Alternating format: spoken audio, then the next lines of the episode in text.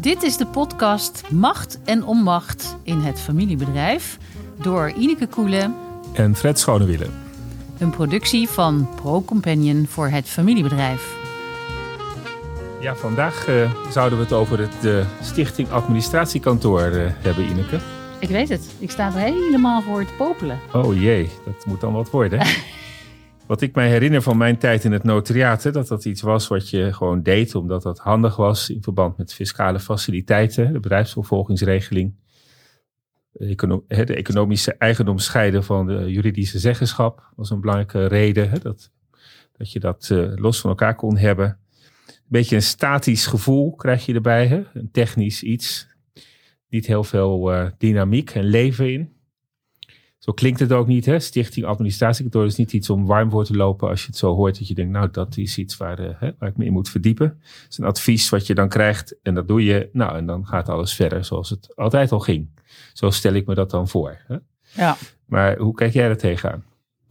Ja, ik denk dat die Stichting Administratiekantoor in de praktijk heel anders wordt gebruikt um, dan uh, louter technisch een manier om uh, het stemrecht nog even bij de overdrager te houden. Hè? Want dat is dan vaak het moment waarop zo'n stak in het leven wordt geroepen. Je draagt wel vermogen over naar een volgende generatie, maar het stemrecht nog niet. Dat wil je concentreren. Um, in de praktijk zie je heel vaak dat dat uh, tot in lengte van jaren geconcentreerd wordt bij uh, de spreekwoordelijke patriarch. En ja, in deze podcast is ons thema natuurlijk dat je uh, als patriarch stewardship en transparantie moet betrachten om echt machtig te zijn. Om echt geen onmacht te hebben. En uh, dus om even heel kort die lust te maken naar ons thema, denk ik dat die stak, hè, dat is de afkorting ervan, stak wordt het genoemd in de praktijk, juist heel vaak leidt tot een vorm van onmacht, doordat hij zo kan worden gebruikt en ingericht dat de patriarch tot in lengte van jaren, vaak tot in den dood, de macht blijft houden over het onderliggende bedrijf, familiebedrijf. In weerwil dus van het feit dat al lang andere mensen, uh, vaak de kinderen, uh, de uh, economische belang bij het ja, bedrijf. Ze zijn eigenlijk eigenaar, maar ze ja. hebben niks te zeggen. Ja. En zo is ook wat mijn beeld erbij is van ja, je krijgt wel wat, maar je hebt er niks over te zeggen. En of er ooit wat uitkomt, hè, is ook nooit gegarandeerd bij voorbaat. Nee. Dus uh, ja, je zit een beetje, zo voelt dat voor mij dan ook, als ik me erin probeer te verplaatsen in zo'n tweede generatie. Hè. Je zit dan in een onmachtpositie in die stak. Hè. Het is een abstract gebeuren.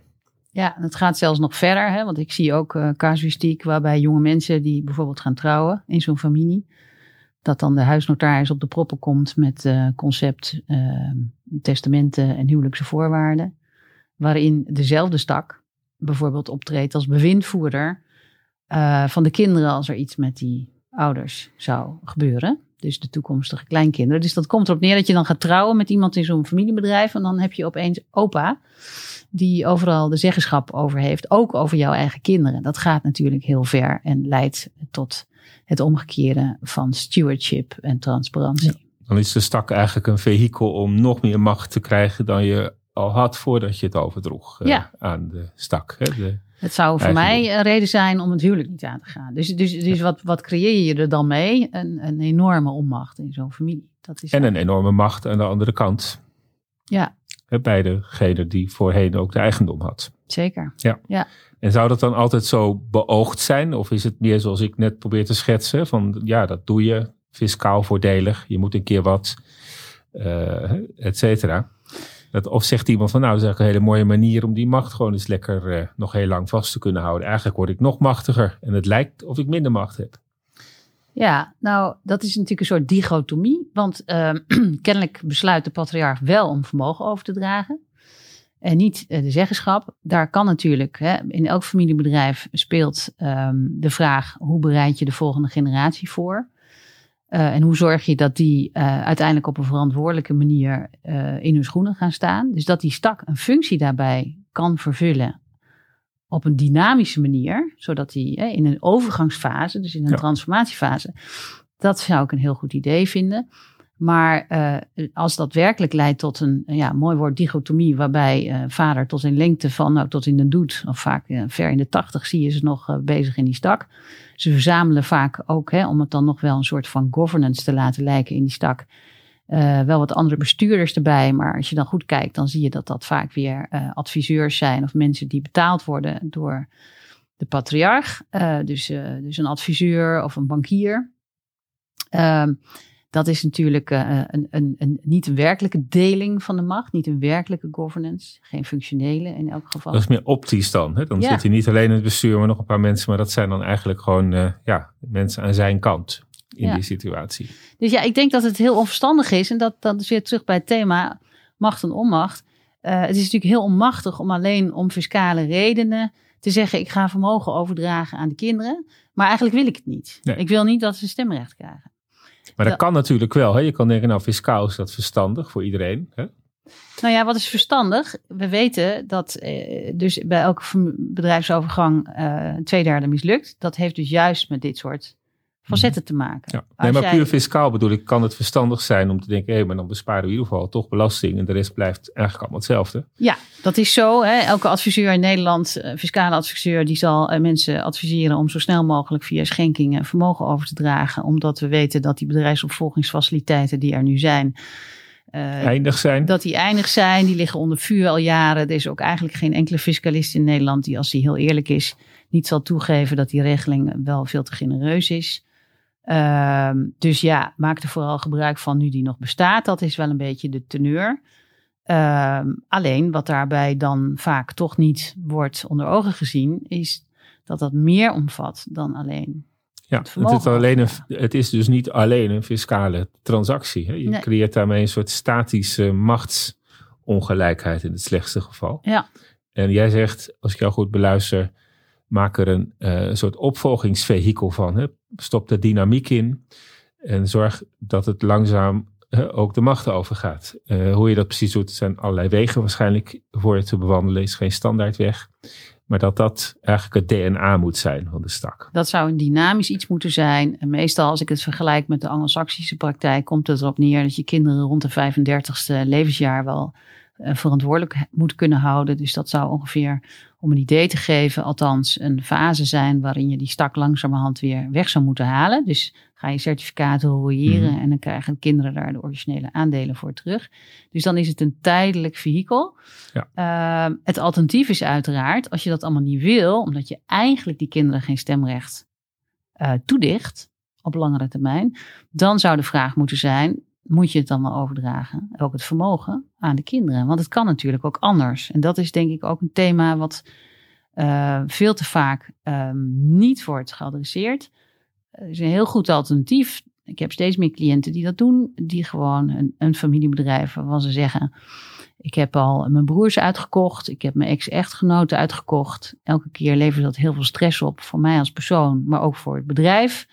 Want uh, je zult begrijpen dat elke keer die uitkoop uit dat bedrijf moet worden gefinancierd. Ik heb niet de indruk dat de familiebanden daar beter van zijn geworden. En die mensen die die uitkoopsom hebben gekregen, nou ook niet heel bijzonder.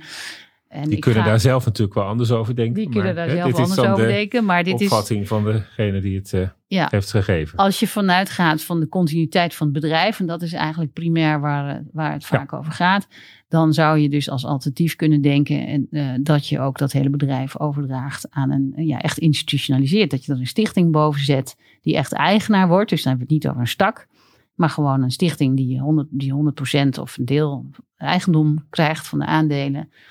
Ja, en dan hebben de kinderen uh, dus niet het vermogen. En dan hoeven ze ook die verantwoordelijkheid met bijbehorende zeggenschap niet te dragen. Oké, maar dan zeg je, dan krijgen de kinderen in de meest vergaande vorm en geen zeggenschap en geen geld.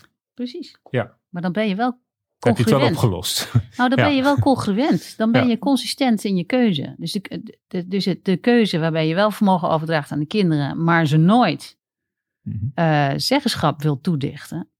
Dat is een eentje die leidt tot conflicten. Maar er zijn natuurlijk in mijn beleving dan wel twee mogelijkheden. En vast toch wel tussenmogelijkheden. Maar in het ene geval zie je je kinderen als opvolger. Hè, en, en, als toekomstige bestuurder. In het andere geval zie je dat niet.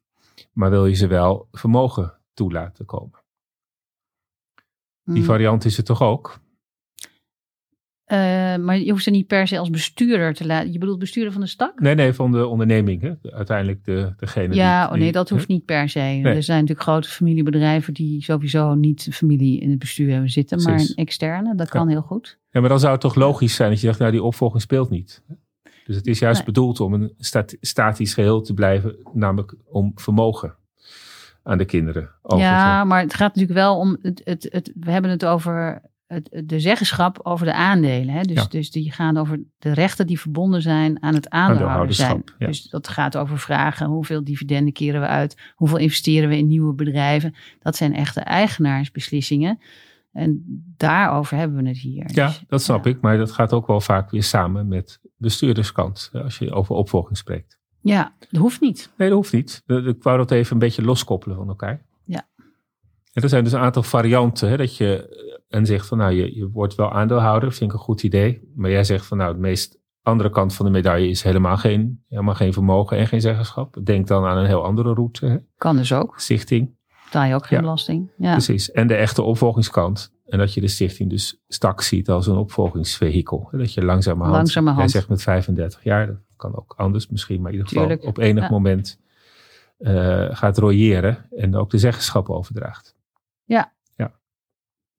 Dat is het inderdaad. En ehm, eh, wat we dan ook nog vaak zien, is dat er al, hè, er wordt ook wel op geanticipeerd op wat wij eh, nu noemen. Er zijn veel eh, mensen in de praktijk die noemen dan ook de stak een familiestichting.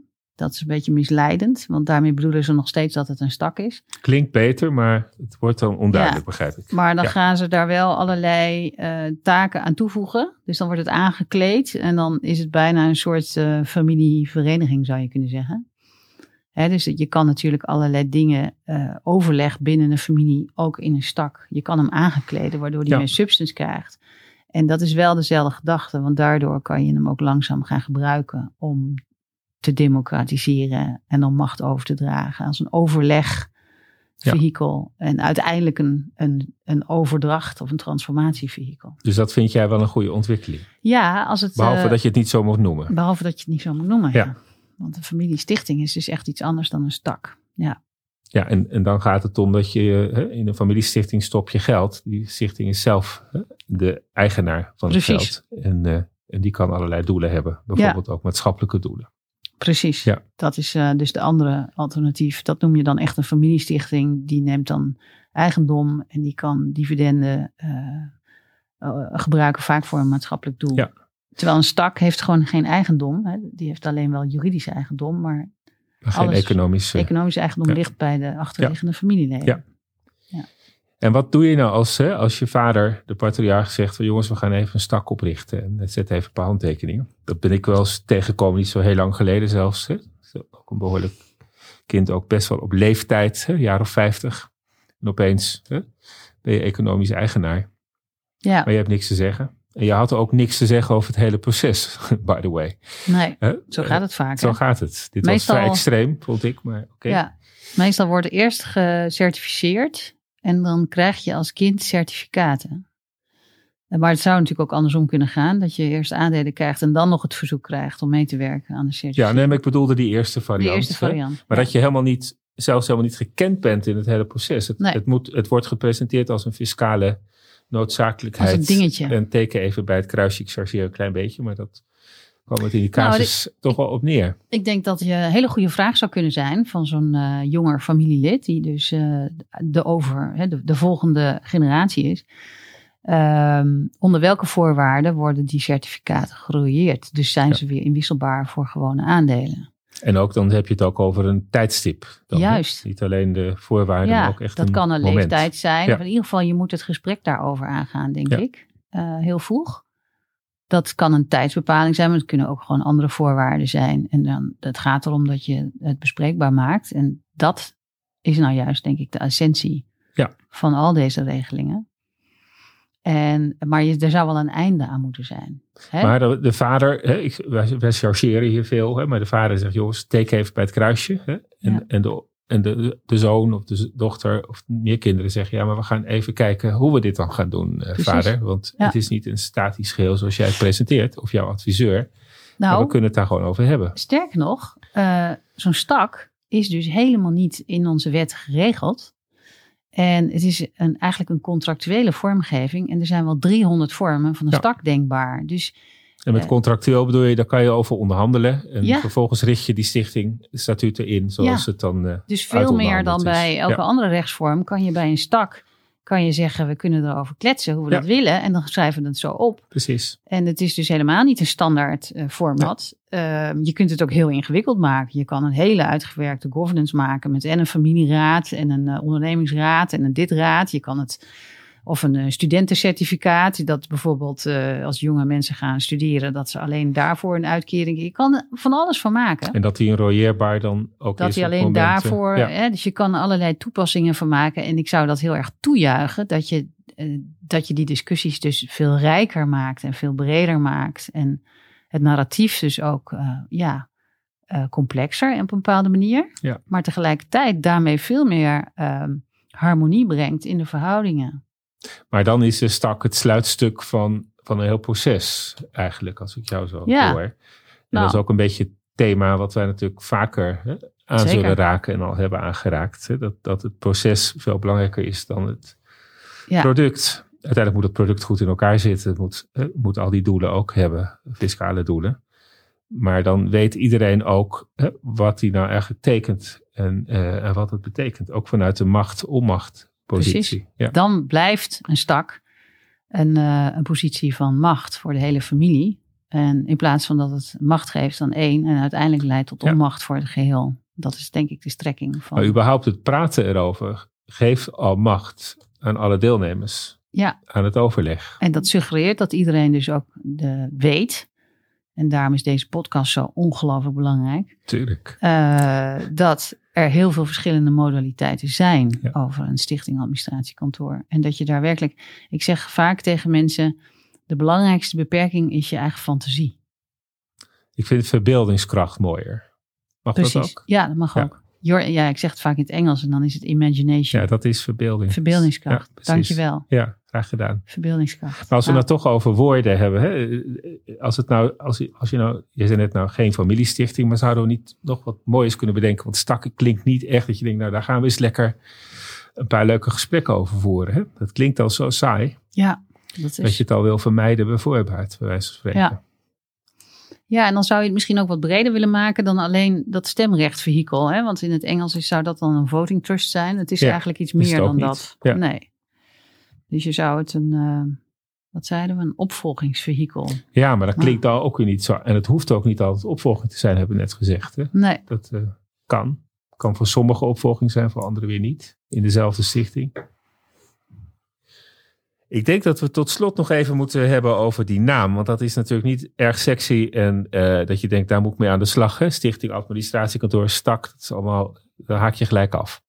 Heb jij daar ideeën voor, wellicht? nee, nog Ik niet. vind het heel lastig. Ik ook, nog niet. Ehm, nee, want ja, ik kijk altijd eerst naar het buitenland, voting trust, eh, maar dat is Ja. het allemaal niet. Eh transformatievehikel, van je kan het misschien een family council of zo noemen, maar dat is ook. eh, Het zijn allemaal een beetje deel, hè, deelthema's die dan benoemd worden, als ik het Precies. zo hoor. Het is allemaal net niet. Nee. Dus ehm, nee, dat- daar ben ik ook nog niet uit. Nou, weet je, dan maken we er gewoon een soort eh, prijsvraag van. En dan vragen we de luisteraars bij wijze van een soort interactie met ons, hè, interactieve podcast.